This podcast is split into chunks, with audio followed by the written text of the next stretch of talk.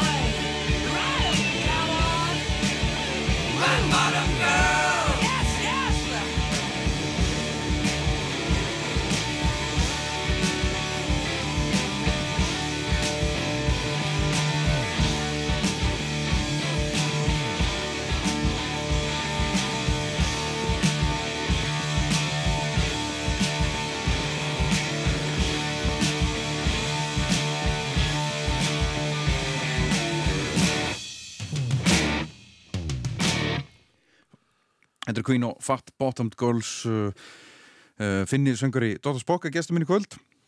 Fyrstu tónleika sem fórst á? Uh, sem sagt uh, tónleikar sem ég hef verið á voru aðalega svona trúales eðlis. Já, mamma var mjög og er mjög trúuð og hérna og við vorum að fara á þessa eh, tónleika sko bæði í kirkjum en líka svona eins og ungt eh, fólk með hlutverk og svoleiðis þetta voru svona ég veit ekki trúar eh, samtök eða svona sem sagt, eh, fólk sem kom saman og, og, og lofaði Jésu og allt það.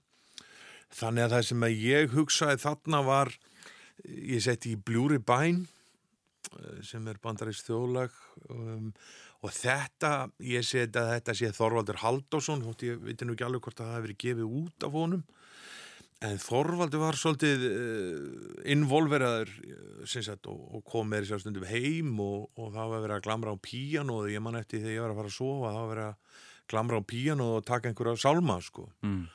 Þannig að þetta er svona einhvað sem ég festi í hausin á mér sem tónleika sem sagt, þetta var auðvitað bara hljómsveit að spila undir í raun og veru Guðs orði. Jú, jú en í grunninn hafa verið svona þetta svona píanóið heima og, og gæti raun og veru tónleikarnir væri bara heima eða þú hugsaði að þannig en, en þetta er svona það sem ég man eftir músik eitthvað, það eru horfand út á, á hurðinni á bilið á hurðinni og sjá einhver að vera að syngja og þar var Þorvaldur bara að á sjó bara þarna sko. Já, þannig að það, þetta er svona það sem ég myndi eh, beina í áttina sem fyrsti tónleikar Hefur ekki bara hlust á á sjó jú, eða það, það er bara Þú frábært. ræður á sjó eða í bljúri bæn í bljúribæn með hverju, Já, það með bubba. Áttum með bubba. Tökum í bljúribæn með bubba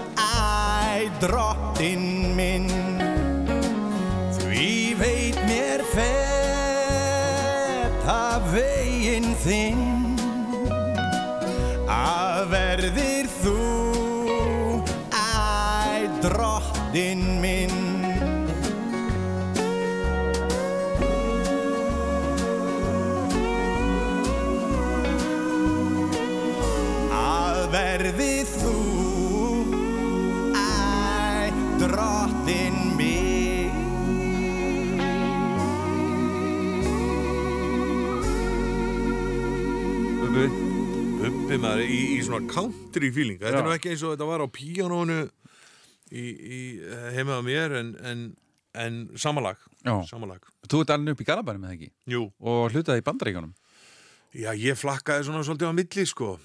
Ég, hérna, ég horfa á æsku mína sem garbaðingur Mm. var þar í ég, átta, níu ár. Já, og horfa á mig sem uh, garbaðing ef ég spurður, spurður um það. En, en ég fór á milli, fór í Keflavík og Bandaríkin og bara út um allt sko.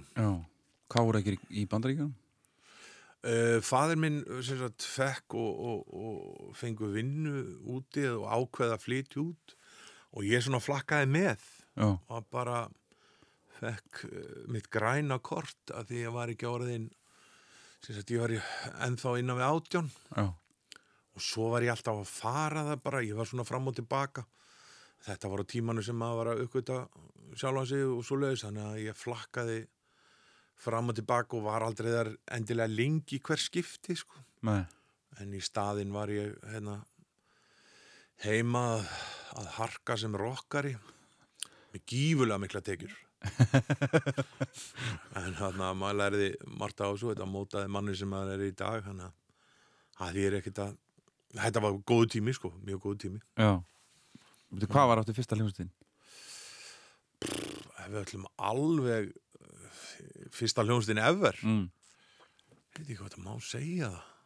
Ég veit ekki. Nei, við skulum bara segja Bobo og og svo skulum við stoppa. En það var bara ég, eins og ég segi, man ekki hvað ég er gammal þetta var fyrst þetta var svona skólabandið sko. Og þarna var ég trommari. Já. Trommaði að minni einstöku list og þarna og við var um, þetta var til og með Jónni í Jabla Joe hérna trommarinn. Hann var í skóla með mér og við erum miklu vinnir í dag og, og hann var innvolugur í mitt, mitt fyrsta band sem við komum kannski að minn fyrsta söng sem við komum að á eftir. En þetta er í raun og Bobo og Bíp er í raun og veru fyrsta bandi og Bobo er afi Já, já, þaðan kom það nafna einhverju leiti en hérna, Bobo var það sem afi var kallaður í daga sko. já, já. Þannig að hérna, þetta er, ég veit ekki, 12, 12 13 ára, Það er eitthvað, alveg kunnum ekki neitt. En það var mikið músík á heimilinu, heyri, allavega Já, mikil músík, það var þetta en sko plötu safnið var kannski, ég veit ekki, fjóra blötur. mm. Þannig að þetta var ekki verið að hlusta mikið stanslust á músík, sko, ekki þannig, sko, þetta var meira trúalegs eðlis í tónleikum og, og svoleiðis, en að skella plötu á fónin var í raun og veru þá svolítið mikið alltaf sem plötunar ef það var, sko, ég man að við áttum, já, við áttum svona fjóra plötur, ég held að það verið brunalið, ein bítlaplata, Billy Joel og svo var einn plata sem var úr einhverju kvikmynd sem ég horfði mikið á og svo flott cover á henni. En í grunninn þá var ekki það var ekki verið að keira á, á tónlist hjá okkur sko. Nei, það var hérna, sko ekki í, í hlustunni í spilarunum sko. Nei. En þetta var meira svona bara að vera að klamra á píanu og hafa gítar heima og svoleiðis. En það kannski hefur líka móta svolítið mig, ég er ekki mikið að pæla í að finna nýja tónlist, ég er bara fastur svolítið, Já, bara það sem ég var í bara 13-14 ára, bara það sem ég skella fónin í dag sko. jú, jú, það er búið að koma einhvað en svona í grunninn þá er ég ekki, er ég ekki með tilruna gladur maður. Spilar gítarinn bara heima? Já, en, og, og líka bara keiri á tónlistina sem ég var að hlusta á þeim tíma sko. Ég er ennþá að bara hlusta á mikið af tónlistin sem ég gerði í byrjun og, og er bara ekkert að finna upp hjólið sko. það er bara, það er mjög sérstætt sko. en er ekki fór aldrei í þetta af neinu viti, við getum orðað þannig sko. Já. sagt, þannig að veist, maður fór alveg einhvað í hvað það heitir Nirvana og allt þetta Jam og einhvað, sagt, ef við tökum það tíðanbild til dæmis, en ég hlusta ekki á það í dag sko. Þá fer ég bara aft- aftur í kórið bara í það sem maður hlusta á þegar maður Heyrði fyrst tónlist í raun og veru sko. Einu af þessum fjórum plötum var með brunaliðinu. Já, Við ætlum að hlusta á Ég er á leiðinni. þetta er uh, mamma og pappa alveg deluxe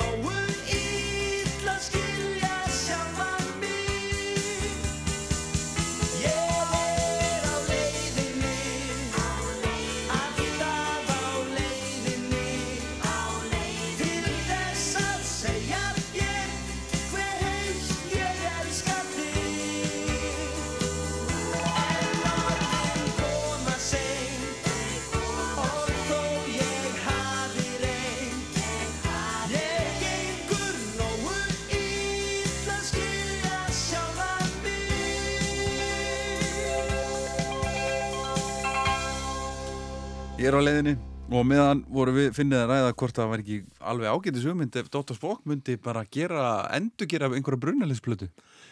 Ég veit það ekki Ég hérna Að vera Ég held áhugavert. að, já, ég held að við förum frekar í þursaflokkin Já, En einmitt Það væri nú eitthvað, Já, en Sildri hérna- Mér langaði nú alltaf að búið til batnaplötu en, en ég veit ekki hvað hún myndi seljast. En þetta er bara, ég reyn, reyndi að vera svona í þessum lista svona þakkarlega heiðalögur en ekki, ég bara var ekki í því að fletta í gegnum plötubúður að leita einhverju nýju amazing sko. Það er bara þannig. Já, já, Og brunalið er bara eitthvað sem að var spilað á mínu heimili. Ég hef nú ekki heyrt þetta lag lengi. nei En hérna, en hins vegar þetta er partur af einhverju, einhverju þróun. Akkurat Herri finnum, við höldum áfram Sagbyrna sælan næst Hvað sér þú? Lægið sem þú sagðir engum og það er gaman að því sko. Já, ég, þetta gátu verið uh, og líka í æsku hvar stoppar það, sko. Einmitt Við getum orðað þetta þannig að tónlistamæður sem ég hlustað á var Billy Joel Já, og það var eina plötunum sem var heima. mhm Og ástæðan fyrir ég hlusta á hann var það að ég kipti mér trommusett eða frændi minn gaf mér minni trommusett og hérna, Þá varstu orku mikil já, já, og ég fór... Hann róast þegar hann fæði drömmusett Já, einhvað svo leið, sko. og ég fór í, í kjallaran í hérna, skúrni á pappa, hann var bifilverki og er. Og þar var bara mold, ég man eftir því, og það var ekki búið að gera gólfið þá. Og ég man ekki hvernig ég gerði þetta, en það voru allavega einhverja plötur og einhvað, en ég man alveg að hægjart stati og einhvað var bara í moldinni, sko. Já, og seg, svona niður? Já, þetta var eitthvað svo leið, sko. Ég var ekki með stól, ég var með kassa, sko, trommustól. Og auðvitað átti einhver kjöða og við sem ekki eins og hvað myndi kaupa kjöða eða þannig að ég var bara með svona einhvað en þá var sagt, og þá var þetta svona hvað, og hvað nú skiluru, og þá var nú farið í já, á mamma og pappa og þar voru fjóra plötur. Og ég spilaði svolítið með þeim eða reyndi að spila með þeim og þess vegna sko festist Billy Joel bara einhverju einhverjum ástæðum fór það inn. Og hérna svona sem einhvað mótun þá eins og ég segi, tæklaði listan svolítið frá þeirri því sjónameði sko. Þetta, ég veit ekki hvenar ég, þetta var sko ég, ég er mjög lélegur í svona að giska á aldur sko en ég myndi skjóta og áttara, mm. eitthvað, nýjara, tíjara einhver stað þar. Já, og hérna og þetta þegar við svona maður rokkaðist upp svona eftir ég veit ekki 11-12 ára þegar maður svona fór að svona finna aðeins það að þá þá var manna kannski ekki að segja djöfulli Billy Joel góðum skilur þau þegar við vorum að hlusta á þessi DC sko. Nei, nei. Hann var bara, hann hefði ég ákvað að setja þetta en það finna við það sko. Ég gifti mig hérna fyrir einhverjum áru síðan og þá setti ég lagið The Just The Way You Are með Billy Joel og þá söng Páll Rosengrass það. Og það var svona reminiscing einhvað en það treyst ég mér alveg til þess að segja það fyrir alþjóða Billy Joel er góður tónlistamæður Heldur betur það, það er bara svo leis Just the way you are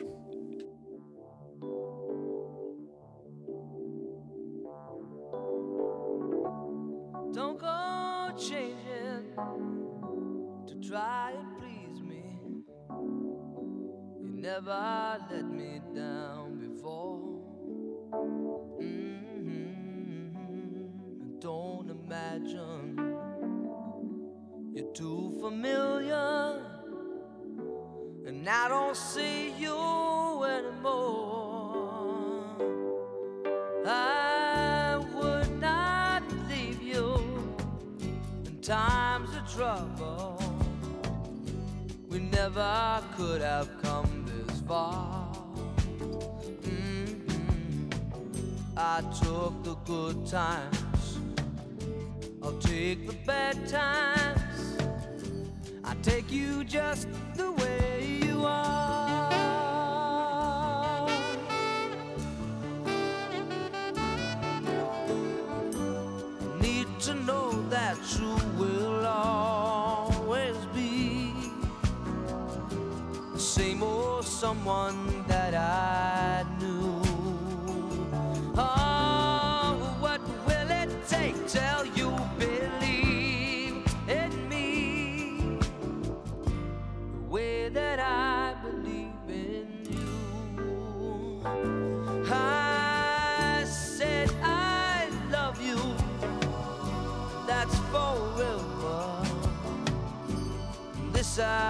promise from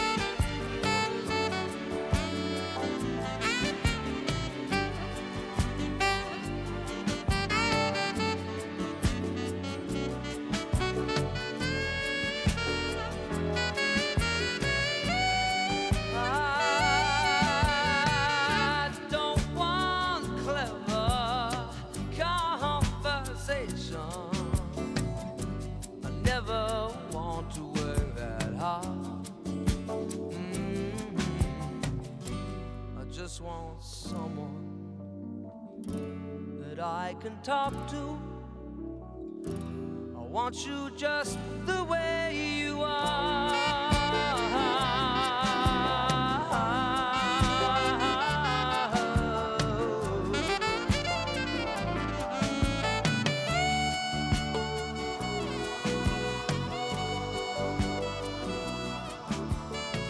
Bill Joel og Just the Way You Are næst finni er það þrjú áratöðalög og við byrjum í- byrjum í 70-sinu Já, þetta var tildulega auðvelt, að samt ekki, en þarna, það er Led Zeppelin. Já. Þarna eins og, gamli trommarinn hann alveg já, gamli trómarinn við Bonham, sem sagt, hann talaði til mín svolítið þarna, sko. já, Og þarna, ég menna, Led Zeppelin, þarf eitthvað að orða það Nei. meira, sko. Og Kashmir, ég set Kashmir en Since I've been loving you. ég setti það því að þú skrifaði það fyrr sko Since I've been loving you. já, Já, sko, þetta talar svolítið, sko, ég veit ekki hvort að fólk kannski taki eftir því, en um, þetta er bara sama og hérna lagið á undan er, þetta er mjög oft uh, annarkort söngur eða trommuleikur. mm Það er bara eitthvað sem að ég uh, hlusta á og textar og allt svona fer í hausin á mér, þannig að meiri svo oft þegar sem sett um, bara mín hljómsett addi og svoleiðis, maður veit ekki hvað ég er að hlusta á sko, þá er ég að hlusta á hvað rap en það var bara því ég fíla flæðið, bara flæðið og það sem er í gangi. Og þeir skilja til dæmis addi veit ekki hvað menn er að segja í þessum lögum sko. Nei, nei. Og hann heyrir þetta bara sama trommutaktin út í gegnum lagið. Og bara, já, hann skot hann með þetta. Og hann en um, þarna bóna minn auðvitað og, og bara Led Zeppelin í heild sína þetta er bara, þetta er bara málið sko. Mm og þetta lag er auðvitað indislega sungið. Og þetta er svolítið sem sagt, ég og Jonni við vorum svolítið mikið að mótast á þessum tíma og hann Jonni hafði mikið áhrif á hvernig ég mótaðist í raun og veru. En ég man bara eftir þessu að, að hlusta á þetta ég til þeim sem Jonna bara inn í einhverju bíl með sem sagt, hálgerir hippar sko, liggu við sko. Já, og hann, en það er svo margt sem hefði geta verið þarna maður. Alveg endalust af böndum sko. Og við vorum að spila þetta líka á sínu tíma vorum að spila Led Zeppelin og Hendrix og, og, og já, reyna að spila þetta allir sé ekki orðað þannig. Og voru hann þegar ég var að syngja og ég er nú ekki með mjög háa rödd sko en hann skræka rödd, við getum orðað þannig. En Led Zeppelin, það bara þarf að vera þarna. Since I've been loving you. Já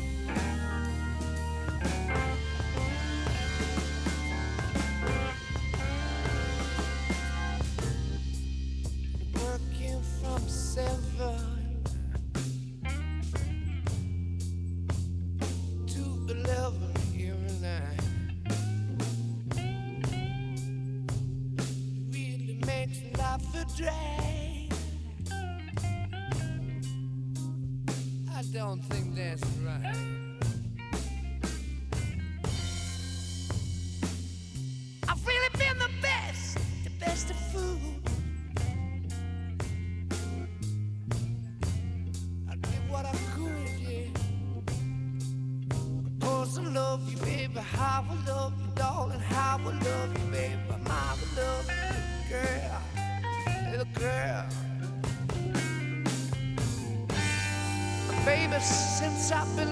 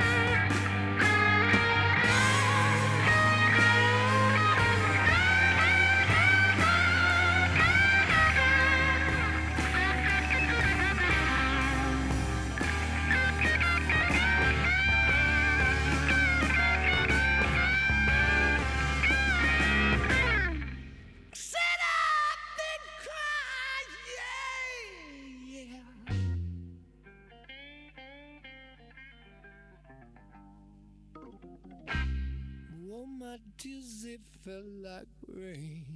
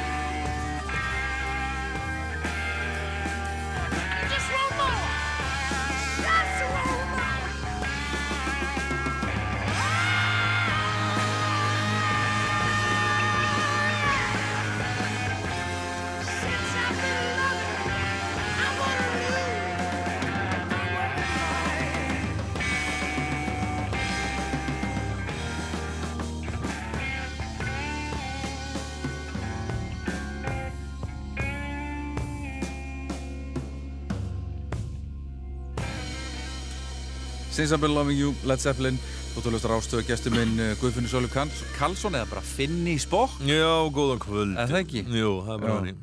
einmitt sem að fór inn í sinni söngukernina Já, pældi því. Það var hérna einhvern veginn, það var svolítið húmor að þegar við vorum í söngakemni, þá var hérna Palli Rós að, í söngakemni líka. En starri, hérna, bassaleikari í Jeffrey Joe var á kamerunni. Já, já, hann vinnur hér Já, og svo talaði hann hérna, talaði hann með Jonna og Jonni sem var trómuleikarinn og hann var að fjárst, var með svona fjárstýran bíl á söðinu og hann var að keira hann þannig að hanski, gulur hanski fór á fulla ferð. Og þegar ég voru að tala saman og þá sagði starri við hann hver hefði ímyndað sér það að, að Palli og, og Finni myndu vera að keppa við hvernig annan í Eurovision? Þú veist, miða við söguna og hvar við vorum sko. Nákvæmlega. Herru, við hoppum tíu ár, það er 80 næst. Já, það er Guns. Þínir menn? Já, ég held að það sé ekki hægt að Guns uh, sem sagt voru svona sem mótum ekki kannski endilega mikið í að semja tónlist en þetta er svona rockið sem að maður fekk svona Stóru hvað er þetta? Já, og ég man að var með þætti klugan 10 og 15 skuldum á rock þætti. Mm og er enn og er enn, já, en hérna þetta er svo langt síðan maður en þeir eru, sem sagt, þar heyrði ég fyrst minni mig uh, Paradise City minni mig. Og það var svona bara reynd að henda kassetin í og ít á rekk sko. Mm og hérna, hvenar er þetta? 86 Sjö. 7 Já, þetta gefur plötun út 80, ja, allavega. 87, þannig að það segir sér sjálft að þá er ég uh, hvað er ég gaman þá? 13 á Ég er 70. príma aldrei fyrir Guns N' Roses.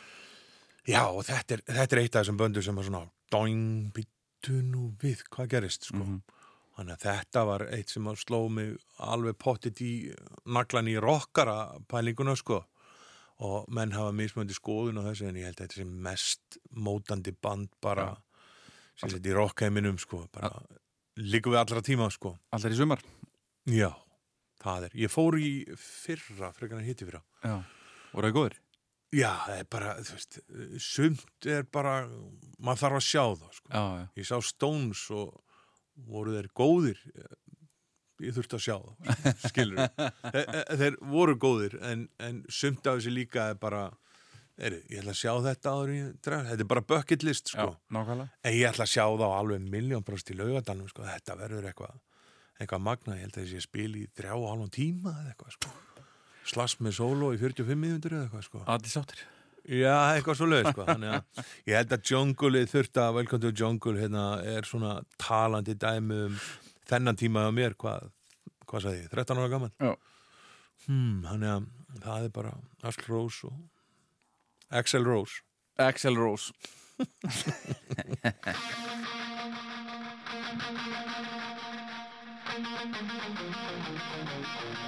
you. Yeah.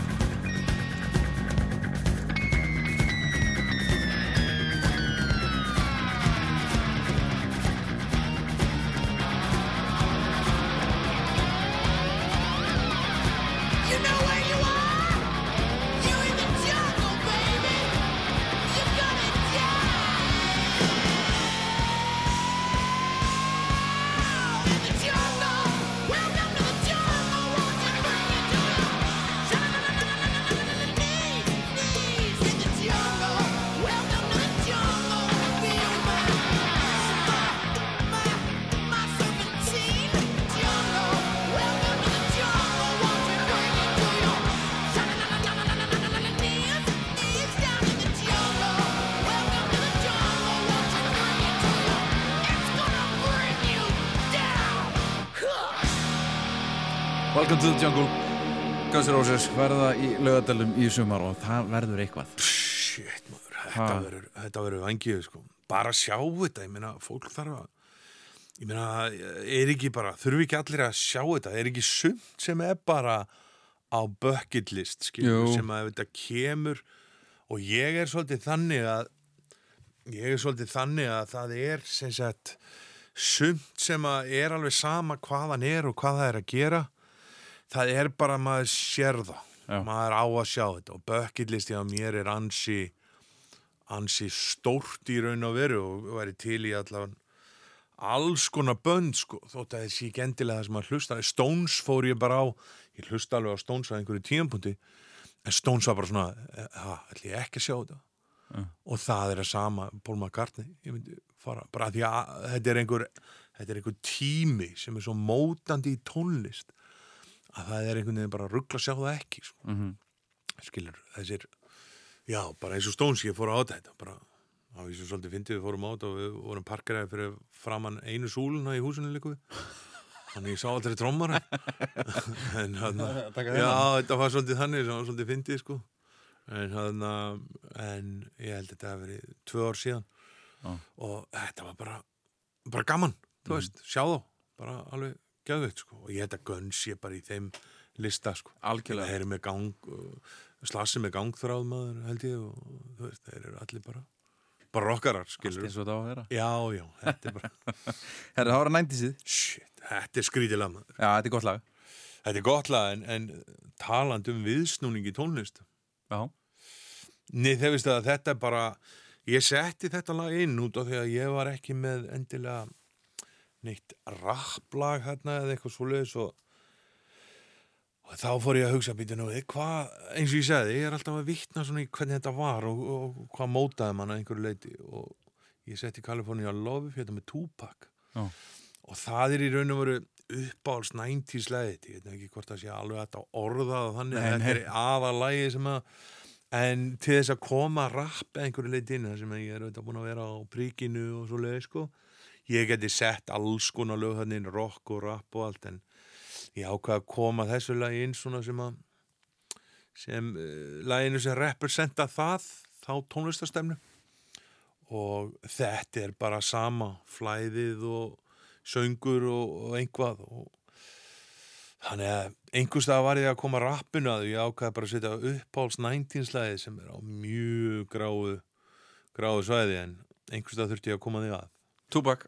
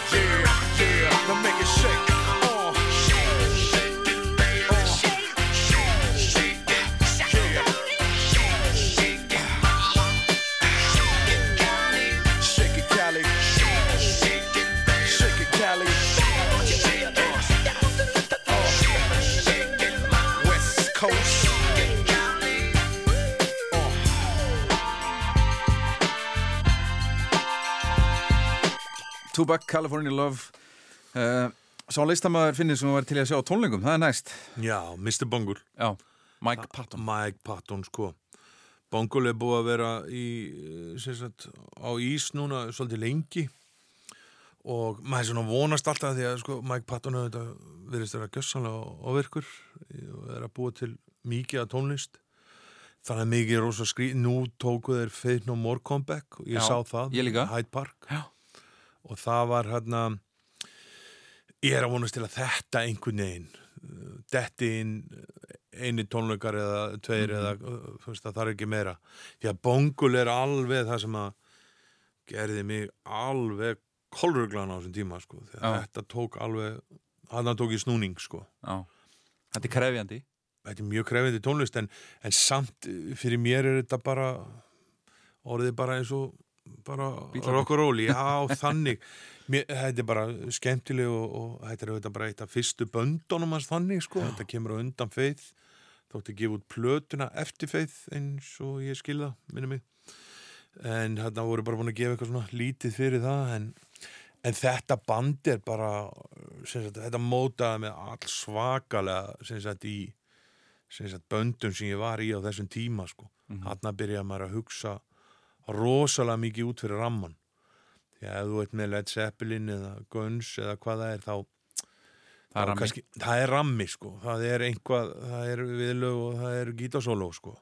En þetta alveg setur allt upp í loft sko. Mm það kemur eitt kapli og sá kapli bara einu sinni og hann er bara í þrjálfsekundur og ég hef mjög gaman að svoleiðis Og það heyrist í Dóttar Spock. það heyrist í Dr. Spock sko hana, og, og þetta band bara myndi ég segja hefur haft rosalega áhrif á mig sko tónlistarlega síðan Já. og hvað ég er að gera í dag Mhm. þetta er svona þetta er svona ég meina lagi heiti My Ass is on Fire sem kannski segir einhvað um bandið en hérna en þetta er bara Mike Patton bara Mike Patton í mínum augum er bara einn snillingum Mhm. heimsins það er bara þannig sko Mr. Bangur.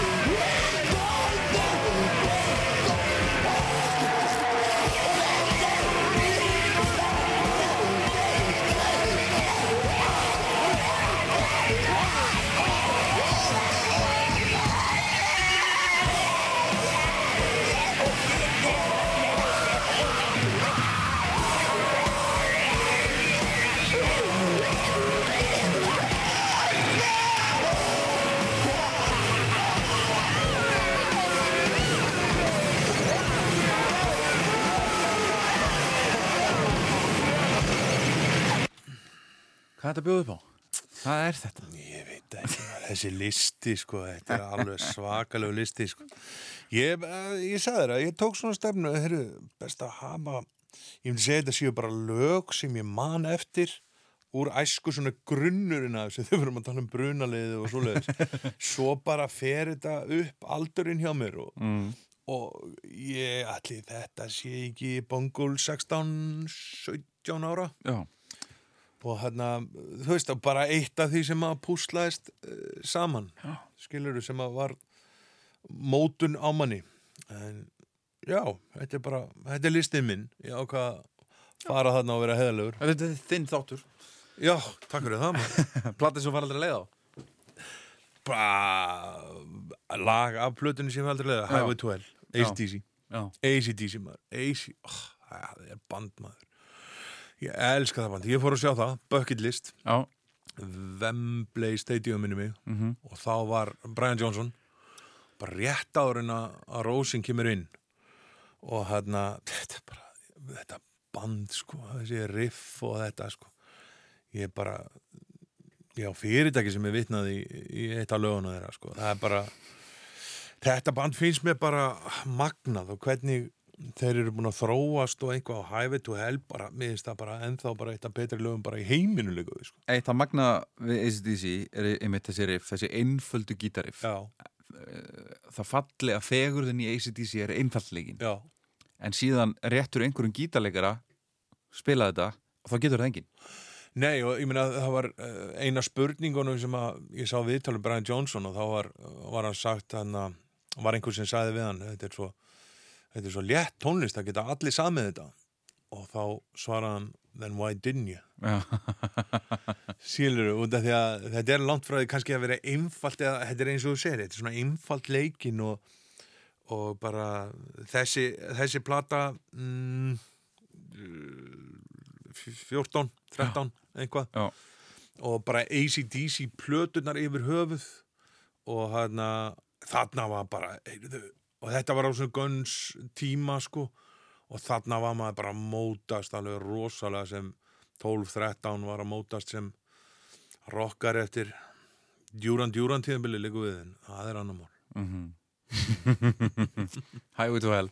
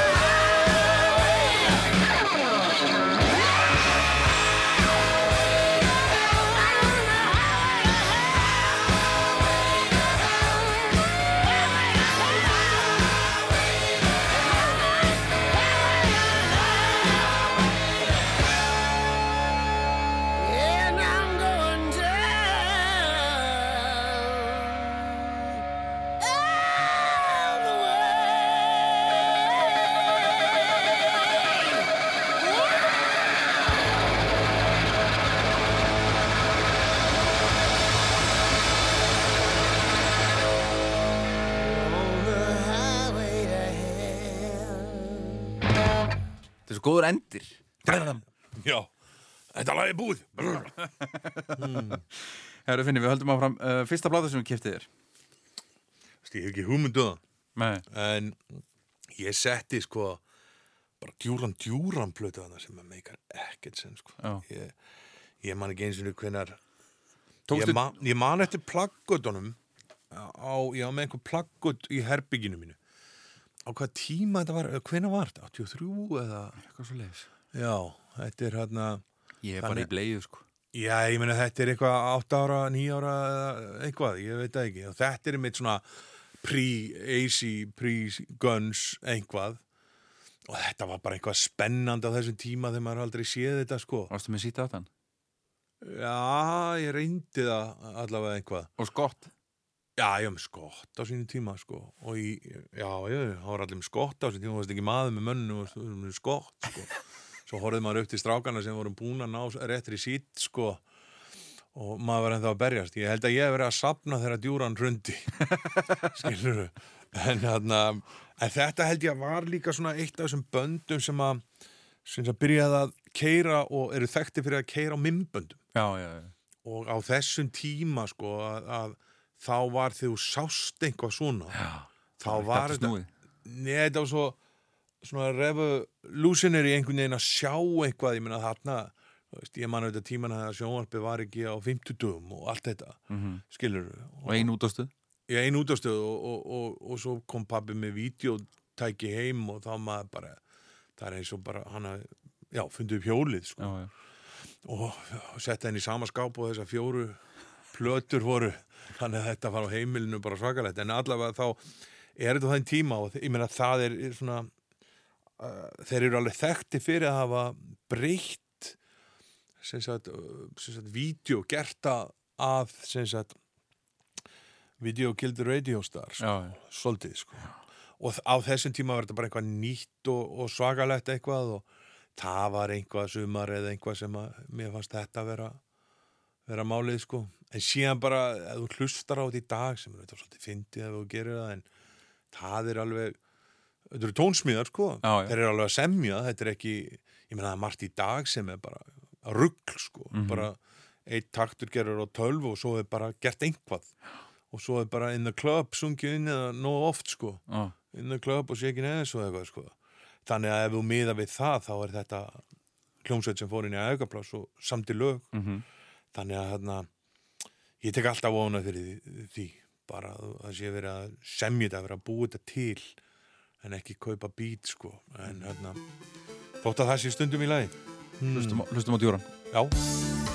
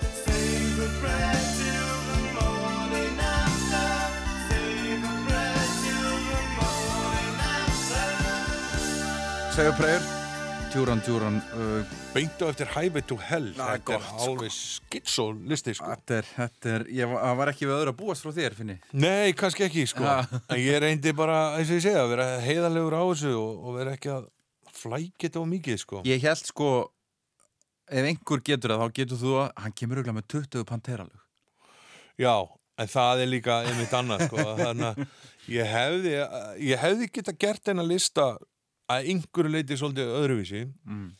en svona, ég hugsaði bara okay, hvað er að fyrsta sem kemur í hausin já, það er, það er Queen Já. og þá sett ég Queen í staði fyrir að reyna að hugsa mikið, nei, herru, ég gæti látið þetta og það er meira cool, sko. Já, þannig ég setti djúran og það má deilu það en ég held ég sem hún að stimpla mig inn sem rockari og alltaf bara standa á bakvið hennar lista þetta djúran og, og fleira sér á hann og Billy Joel. Já.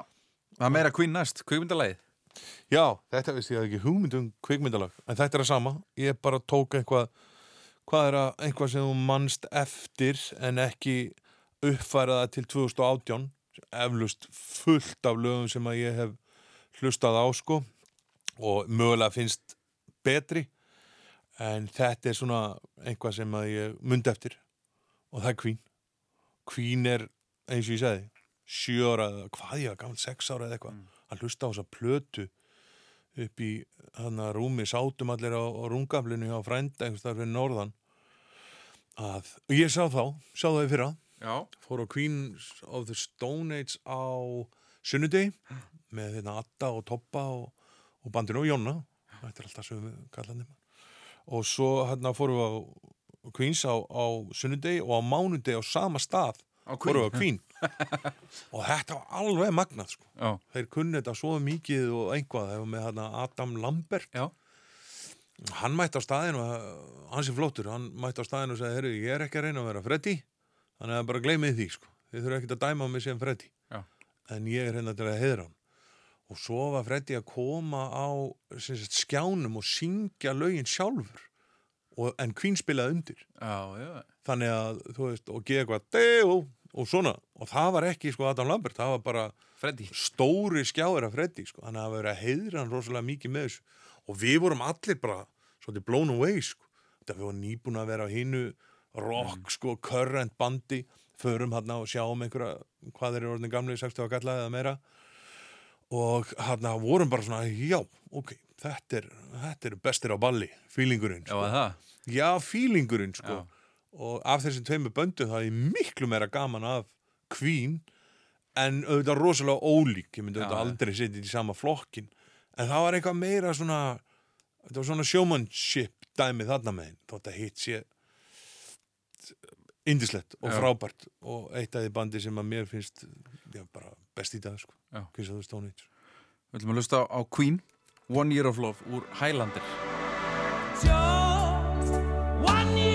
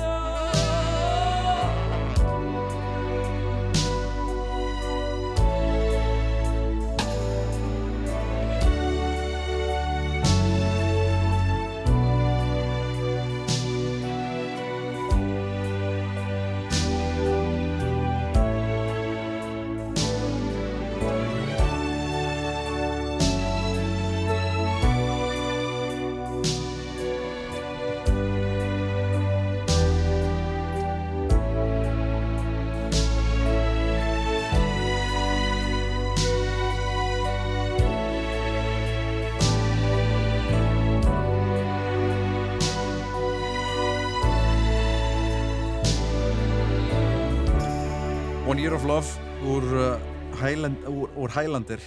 Þessi mynd hafði mikil áhrif á mig því ég var bara Já, mér fannst hún leðileg held ég. Ég held að Þannig kemur þetta ára hérna. Mismunin, já. Já, Ég, ég, þú veist, ég man alveg eftir þessar mynd en hérna, og það var þá ymmit aðalega fyrir soundtrackið, ég minnir að Queen hafi verið með mikið af soundtrackinu eða allt eða, já, allt allt já. og hann að það var aðalega það sem greip mig við hana en hérna, neða leiðileg, ég man ekkert eftir henni þannig lað, en ég man bara Queens, Queen og lögin þeirra var það sem ég myndi eftir sko. Já, herru, næst er það uh, lagi sem að fekk til þess að byrja að læra hljóðfærið að syngja. Já, sko, ef að þú, ef þú tekur trommunar, uh, þú veist, þá erum við með hérna og undan eitthvað í moldinni hjá pappa, sko. En ég ætla að taka Wilding hérna. Já, og það er ástæðan fyrir því er að, sagt, þar fór ég að syngja. Já, og það var fyrsta lagi sem ég söng. Og sagt, ég var að fara að tromma, við vorum í skólanum í einhver svona stúdíóverkefni, máttum allir taka upp eitt lag eða tvö eða eitthvað. Og söngarinn í bandi sem að Jonni, enn og aftur Jonni var, var í, hann mætti ekki. Og þeir bent á mig og svo, vilt þú ekki syngja? Og ég hef aldrei sungið, ég vissi ekki eins og hvernig röddin á mig var í, sko já, og hérna, ég bara, jú, jú, fínt að syngja eitthvað. Og þá fór ég uh, bara fyrir fram mikrofónum og söng þetta lag. Og ég meiri þess að á það á teip einhverstar sem var fundið um daginn. Þannig að ég er á fyrsta lagið eða þetta lag sko. Og ég einhvern veginn kom því út um mér til þess að og var bóðið sem sagt næsta skólaári var með bóðið söngvarastaða en ekki trommarastaði þegar mátti deil um mig sem trommara sko. Ég var ekki að þróast mikið. Ég get að tromma ACDC en það var svona, já uh, ég var ekki góður í breykum sko. Mikið vesen, það var ekki góður í því en ég lagði gott beat. Já. En hérna, Þú verður fýta rapparatrómari ég hefði bara túbak hefði elskað mig sko. Þannig að ég setti þetta inn sem svona, þetta var það sem að breytti mér í uh, söngvara. Já, í raun og veru. Og hérna Vi, við þurfum ekki að kynna þetta lag. og Wild Thing. Já, ég man einhver eftir þessu. Já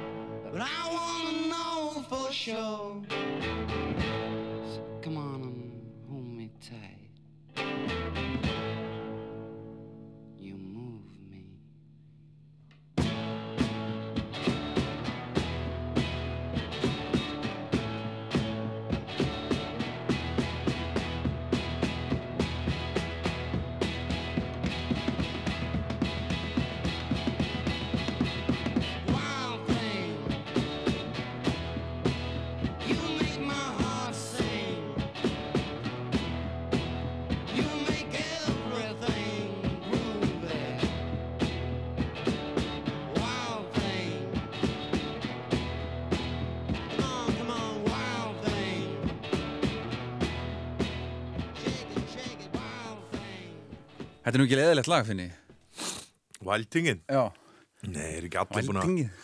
Væltingin Er ekki allir búin að svona taka þetta lag á einhverju tíðanbúti í hvort sem þessi í partíum eða eða einhvað Er þetta ekki eitt af fyrstu lögunum sem þú lærir á gítar? Jú, þetta og nokk nokk hefund stóri, eða ekki? Jú Þannig að hérna, ég held að allir ekki vælting sko á einhverju tíðanbúti Ég veit ekki, hvernig er þetta í dag þetta með þessar hljómsveitir. Er þetta að fara ég mikið inn í skúrin og Ég veit það ekki. Sagt, Í gamla þetta var ekkert annað í bóði hann hvort þú fórst inn í skúr eða fórst að vinna í bónus eða eitthvað. Það var ekkert eitthvað nei, ég ætla að vera í tölvutónlist sko. Já, ég Heimitt, ég veit það ekki. Það er bara allir væld uh, uh, þú veist allir nirvana lög séu vælting Sem sagt dagsins í dag sko. Ég held það sko. Það getur verið.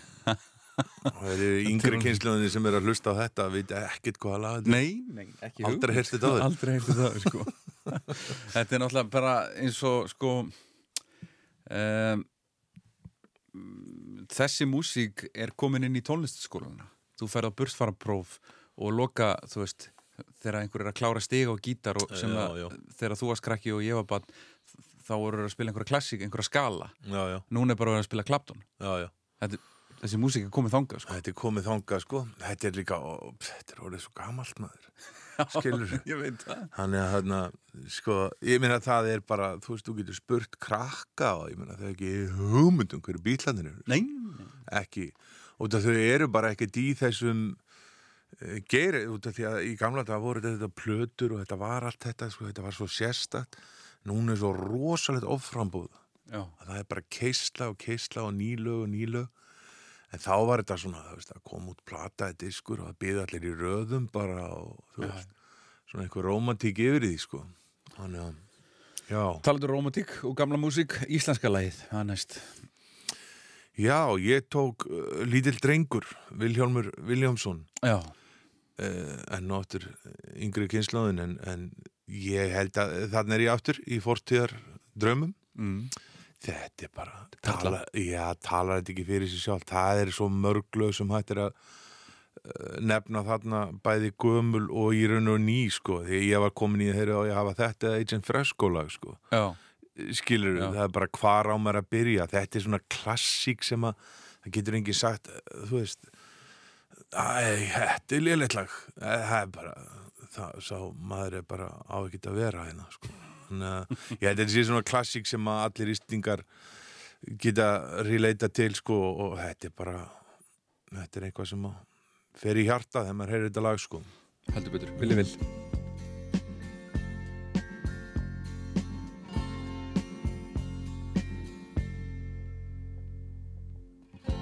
Óðum stefjar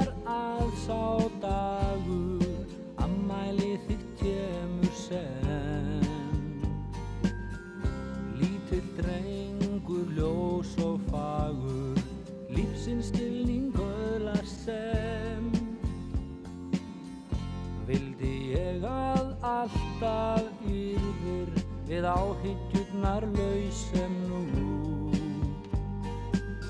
En allt fer hér á eina veginn í átt til fóldar mjakast þú.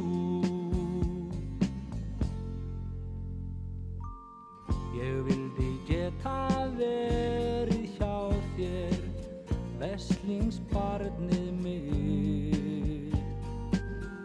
Umlugt þig með örmum mínum Unir hver við sitt. Oft ég hugsa auðmjúkt til þín Einkum þegar húmarar Einstótt fari óra vegu Áttu mér Man ég munað slíkan Er morgun ranna daglegt stress. Að ljúfur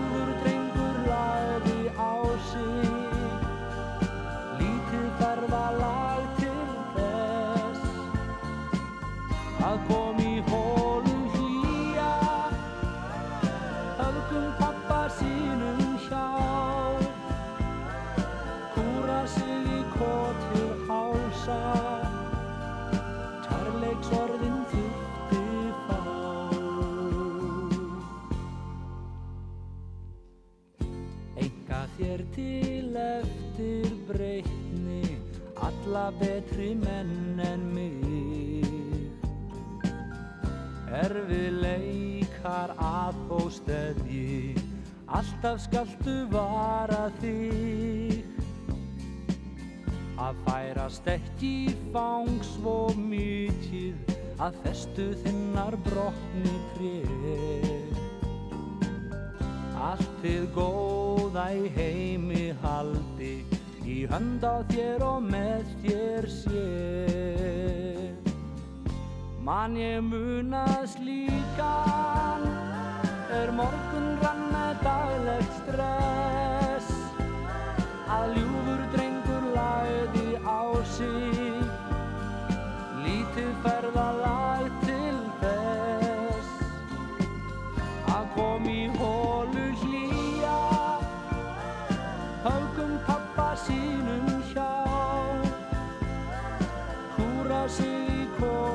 hálsa Kærleiksorðin þýtti frá Lítill drengur, ótrúlustur ástöð, þetta lögðu skvöldið gestur minn uh, Finni Dóttar Spokk. Já, Já, fallit lögða skuld heldur betur. Hmm. Það er uh, karaoke-leið. Já, þetta er bara Let's Stay Together, Al Green Girl Þetta er bara, þetta er það sama karaoke-lag Við erum áttið svo gamlir, ég er nú svo gammal 2018 maður að, að segja, hvað veist, karaoke-lag, það getur verið allt, sko. Það er svona hvernig þú nálgast það, sko.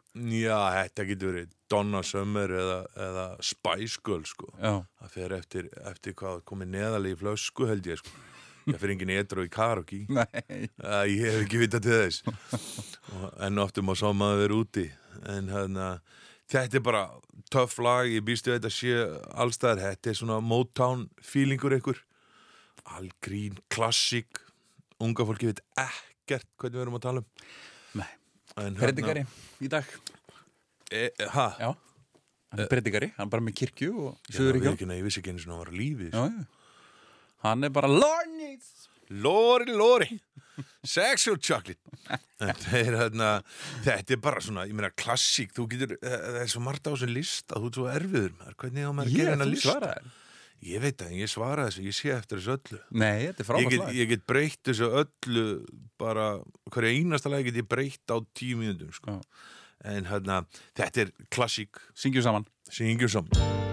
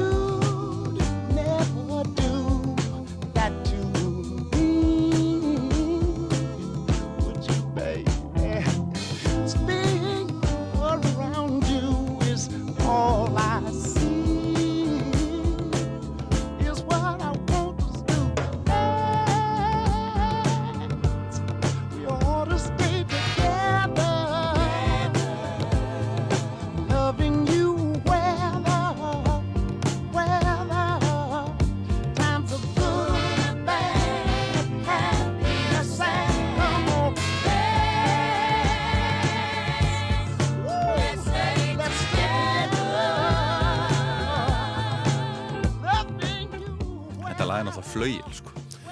Ég þú veist, rómatíkin alveg, hann lekur á þessu leið, sko. Heldur betur. Það eru ferðalögin.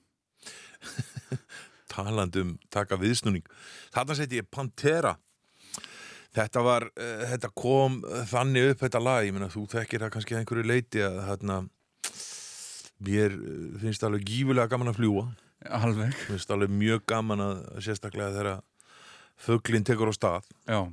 Þetta meikar allt svo mikið sens hvernig þetta gerist Það er ekki lógík hérna. Nei, og, og fyrir manni svo mig sem þykir mjög gaman að fljúa að þá var mjög þægilegt að þarna, setja Pantera á því að þeir coveruðu alveg öll hljóð Já. það heyrðist ekkert Já. það heyrðist engin brestir í, í, í fuglunum Mhm. Þannig að þegar maður lit 5 minutes alone og, og snýri iPadinum í, í að hvað heit, I, iPodinum? iPodinum, já, snýri honum alveg í botn og hvað það með ítti sko aðeins á það í erunum þá bara áður hún veist að var bara komið rétt ljós og, og verið að bjóða manni ylvött sko Já. þannig að hérna og þá tók ég panter úr eyrunum Já. þannig að þetta var svona eitthvað sem að já, þetta, ég er myndið að fara að fljúa á morgun og allir, ég skelli því ekki bara á eða hlusti og Ertu búin að fá svona Bose, svona quiet comfort sem að, með svona noise cancelling? Nei, en ég geri það líklega núna. Ég myndi gera það. Þau eru frábær. Já, þetta var þetta ölsingu Já. eitthvað þetta? Nei, ekki neitt. Ekki Þú. Já, ég bara á, á svona þú getur fengið eitthvað fyrir þetta? Já, á sko? svona headphones sem ég borgaði fyrir fullu verið og þetta er bara besta sem ég á. Já, já, ég fyrir þetta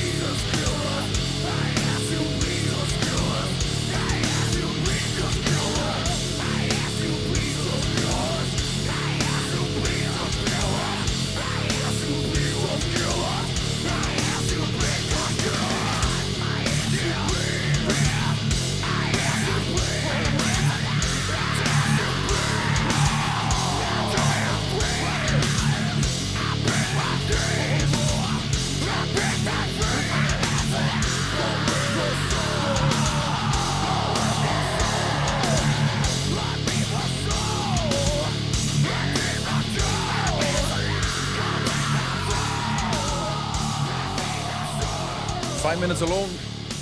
Pantera. Við vorum að ræða þessa merkusveiti þá meðan við hlustum um 5 Minutes Alone við, við Finni. Og maður gleymir í allt og oft það var bara eitt gítarleikar í þessari ljónsett Dimebag. Þetta er bara eh, eins og við tölum um að það er þetta svona þessi uppbygging á Pantera er ekkit endilega að sko finna pjólið sko bara sko, uppbygging á köplum en grúfið og, og riffin og, og hvað þá sándið það er bara pantera, pantera sko.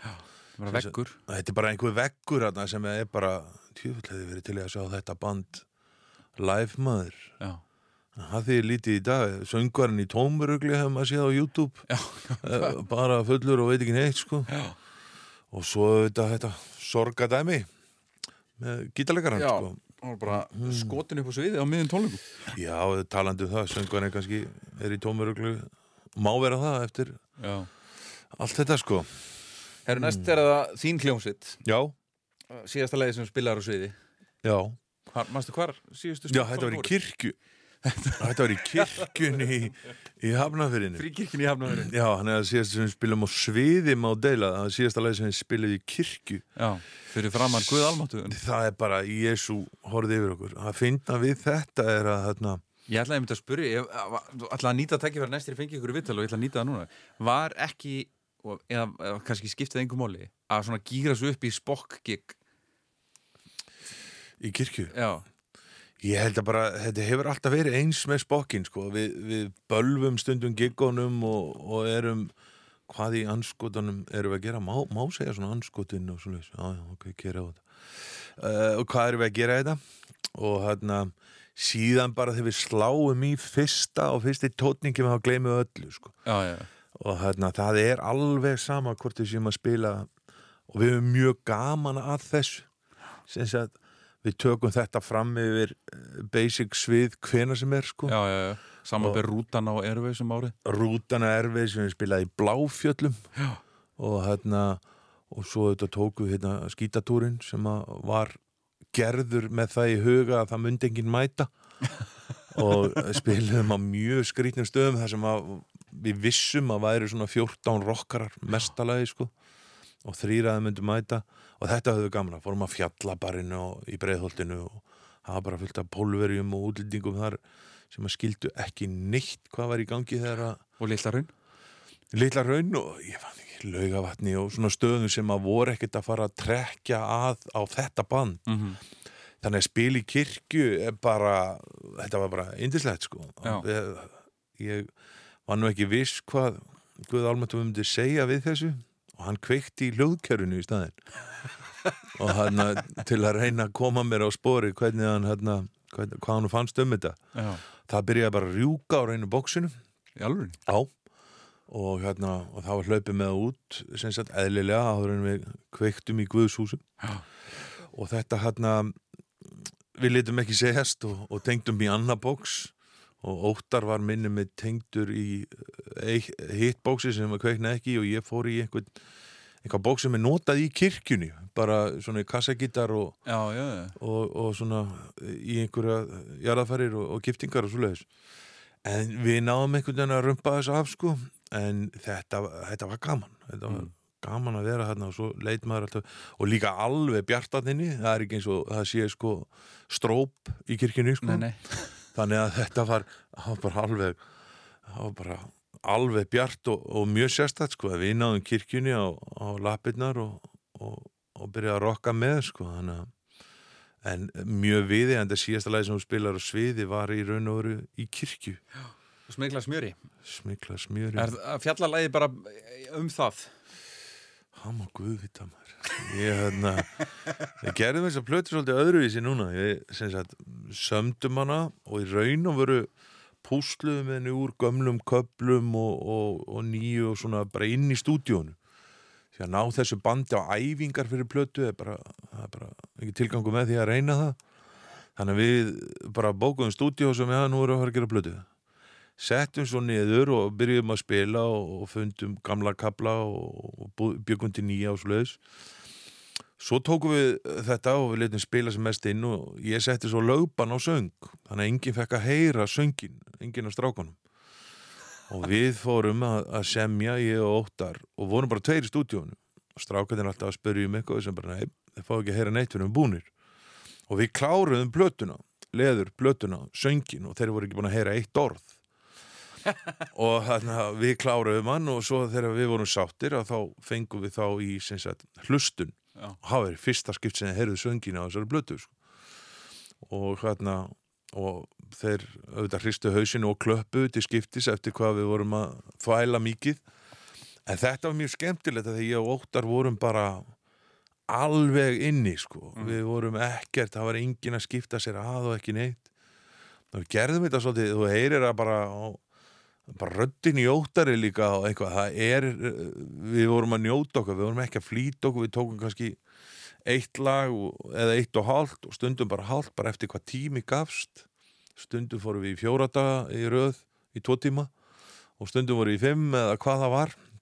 Og það kom bara meiri vitleis og það meiri textagerð meiri segja í þessari plötu en það gerðist líka bara svolítið svona. Skilur svo fundum við Þannig að þetta var mjög skemmtilegt og við erum að pæli að setja lögban á næstu plötu, söng á næstu plötu líka, sko. Já. Sjá hvort að þetta sé, hafi verið one hit wonder að gera þetta svona, sko. En heldur að það gæti farið svo að, trommarinn seti laupan á trommur, gítarinn á, þannig að... Þá verður ekkert úr læginu. Við erum einu eiginlega raunur sem getur sett lögbann, sko. Allavega bassalegari og, og trommulegari geta ekki. Nei. En við þurfum að heyra, sko, the highs and lows í læginu til þess að geta búsla söng saman, sko. Ákvæmlega. Hlustum á, á smjörið. Já. Kynna það.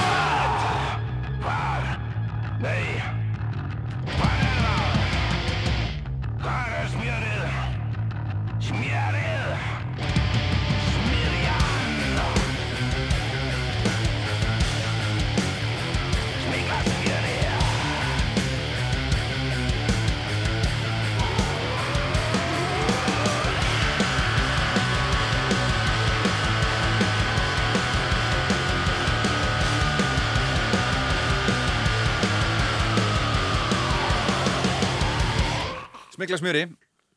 Og tókst það? Já, við smiklum alltaf smjöri í óttar. Já.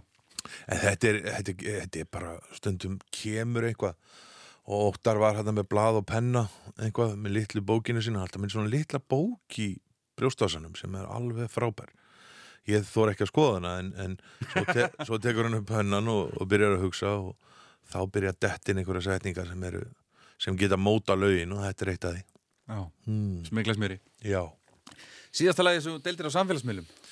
Já, það er part-time clown verkefni, Bob heiti lagi Þetta er, þetta er svona hliðarsjálf. Þetta er allt er ego. Já, ég hef alltaf verið að gera einhvað uh, og leika mér og svoleiðis en með spokkinu og svona þá gerir maður þetta bara algjörlega, maður þarf ekkert að gera þetta sagt uh, þarf ekki að gera þetta, bara gera þetta bara eftir sínu höfði og hérna há fullt af alls konar stöfi en eins og flesti tónlistamenn þá er held ég er eigi svona og hvað þá kannski þung, þungar okkar að þeir eiga balluðunar sko. Og hann þóttir hafi ekki endilega formi til að senda þær út í. Og þetta var þetta verkefni til dæmis var bara meira rugl sko og e- meikar minna sens en spokkin ef að það meikar einhver sens. Smá. Já, Þú komst til mín á ammælistæðin það er rétt. Og gafst sjálfu þér þetta í ammæliskjöf það er rétt. Og ég hleypti þér í viðtal og við spjöldluðum um þetta. Og þetta er sagt uh, lag sem heitir Bob. Já, og, og listamannsnafnið þarna er, er hlut, hlutastarfstrúður. Já, trúður í hlutastarfi. Já. Og Sigurður Tollasíu syngur með þér í svo leið Já, búin að syngja með mér í fleiri sko. við erum búin að taka upp einhver fjögur lög. Hún er í þremur af þeim. Og Já. það er bara kontrastinn sko, því ég vildi ekki alveg taka þetta þetta var ekkert endilega ég sko, þetta var bara að reyna að vera að ná fram einhverju fíling og ég er bara gaman að þessu, við erum tilbúnir ég er að gera þetta hérna með hann og Arnari Lífs. Og við bara gerum þetta þegar ég ringi og segi, erum við að prófa eitthvað? Og svo eru hillingi að þessu og ég er búin að gera eitt og eitt lag bara í einhver einhverja mánuð og ár sko. Svo allt í henni, herri ok, þetta er búið. Og ég er búið með, ég held að sé eitt lag kom með annað í, eh, sem sagt inn á miðla. En hérna ég held ég sé með eitt monthly listener á, á Spotify. Og það er svona einn eða mínus einn. Þannig að hérna og ég þóra ekki að ég geti trúa að það væri ég sjálfur þegar ég hlustaði á lagið. Þannig að þeir hafa nú ekkert verið að senda mig ávísunir hérna, YouTube rásunum eða, hvernig þessi stráka gerir þetta í dag. Það er stefkvild fyrir þetta, já en ég bara hefur gaman að þessu og maður það er bara að gera það sem maður hefur gaman að heldur betur Bob What happens when people costume is that they're playing with these internal personalities. They're repressing the normal ego and they are allowing some internal personality to become dominant. And so you put on the clown makeup and you are no longer yourself. You then become someone that is unpredictable, possibly dangerous, possibly violent.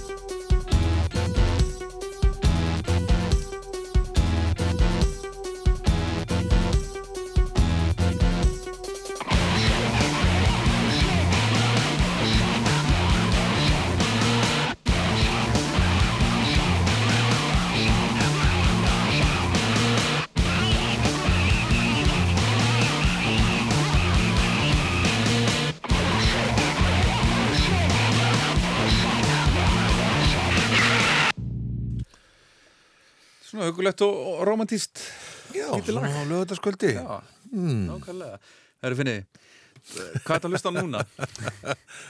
Heyrðu, til rockara landsins, þá byrst ég afsökunar á þessu. Nei, nei, nei. Nei, nei, nei, ég, Þetta er náttúrulega bara það sem þú ert látin hlusta á það ekki En veistu þetta er gott lag Já, þegar maður fer að uh, sko, ég bara teka fram aftur ef ég verð ekki búin að því að hérna, ég bara er ekki að leita músík Nei. ég bara hlusta á það sem kemur í útvarpinu og í þessu að ég á einhvað af stelpum Fimm, já, fimm síðastur og taldir síðast í taldi, sko, getur verið sem hún að týna einni, tveimur, ég veit það ekki en í grunninn að þá hérna þetta er Say Something, Justin Timberlake og það er bara út að þetta botnað í bílum Já. fyrir utan að mér finnst hann auðvitað frábæð tónlistamæður, það er ekki það það eru bara sumir sem að maður þarf að segja eru, ok, tek ofana fyrir þér sko. Já. Og hann er hérna, hann er bara einn af þeim. Bruno Mars og svona gauðra sem eru bara semja og, og eru með tónlist skilur með við allt sem er í gangi í dag.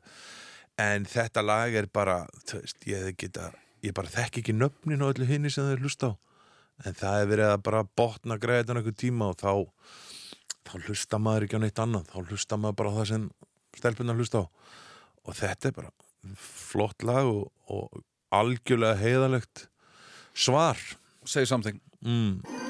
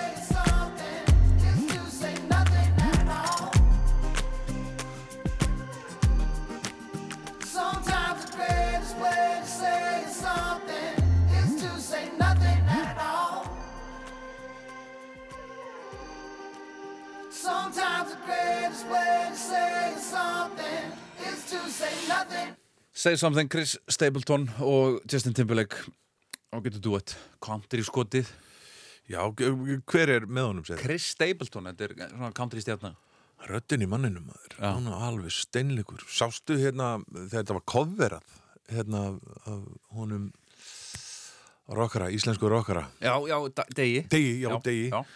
Það var alveg magnað maður. Hann alveg neldi þessa rödd, já, þetta er bara flottar rödd sem ég sé, nei, heyrt. Mhm. þetta er flottasta rödd sem ég séð.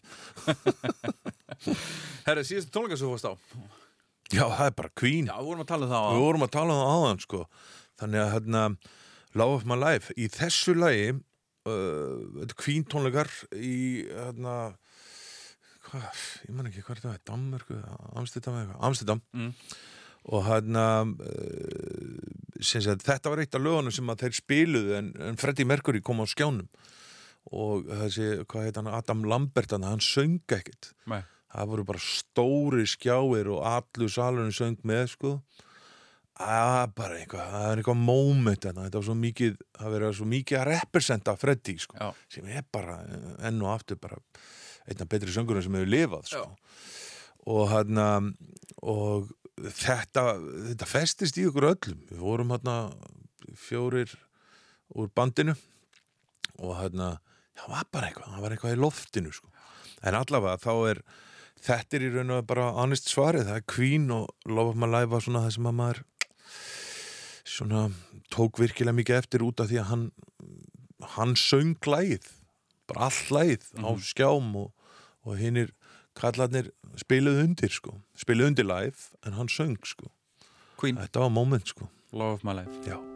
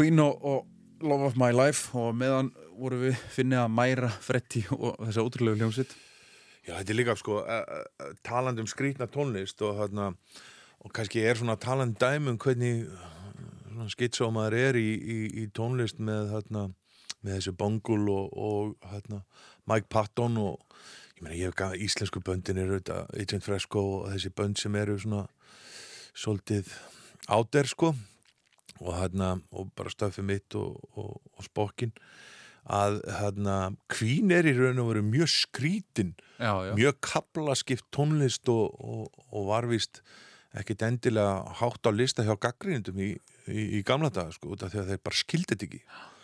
Þannig að ef að maður hlustar á það og þeir eru bara orðin svo rosalega mainstream að fólk gleymi því en sumt af þessu er all rosalega súrt sko, bara hvernig þeir gera og taktarnir sem þeir eru í og, og það sem þeir syngja þetta hoppa á milli kóra og einhvað og, hana, og svo með hennar rosalega frontmann sko. Og hana, þannig að þetta er bara he- hjá mér yfir áhrifavalda er þetta í topp 5 easy og mögulega meira sko. Pattonum myndi ég segja bongolu er þetta fremst sko framalega og, og Queen er bara nummer 2-3 sko. Finnið að búið að heiður að hafa þig? Það er komið að síðasta læginu, það er rétt, við erum búnir. Við erum búnir. Það er að fara að lægi að jarðafæra leið að maður verið döður ég held að uh, hérna set ég Power of Love Frankie Goes to Hollywood. Sko nota benni ég væri farinn á þessum tíma þannig að hérna, ég myndi líklega ekki ráða því. Þannig að en nú ertu búin að segja það sko. Þetta ég er til á að, safni já, þetta er nefnilega að skjálfest sko en ég tók þetta svolítið hvað ég held ég að, að mitt fólk myndi gera sko. Já, ekki endilega hvað ég hefði valið.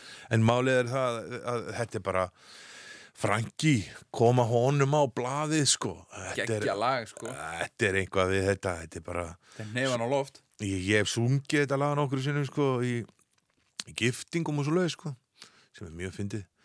En hérna bara, já nokkulega þetta er hérna það er, eh, það er svona einhver umf-faktor hérna sem að er eh, bara, ég meina eh, í raun og sami faktor og þú segir bara lítil drengur sko. Já, já, þú bara hlustar á þetta og þú hlustar á þetta til enda eða þú ert með tónlist í þér. Það er ekki hægt að enda á, á betri hátt sko. Nei, það erum við búin að hlusta á Guns og Pantera, Al Green Djúran, Bokkin, Djúran Djúran og nú Power of Love. Það, ég held að ferillin sé búinn takk hérlega Ég fyrir, get pakka saman takk hérlega fyrir að vera minn Já, takk fyrir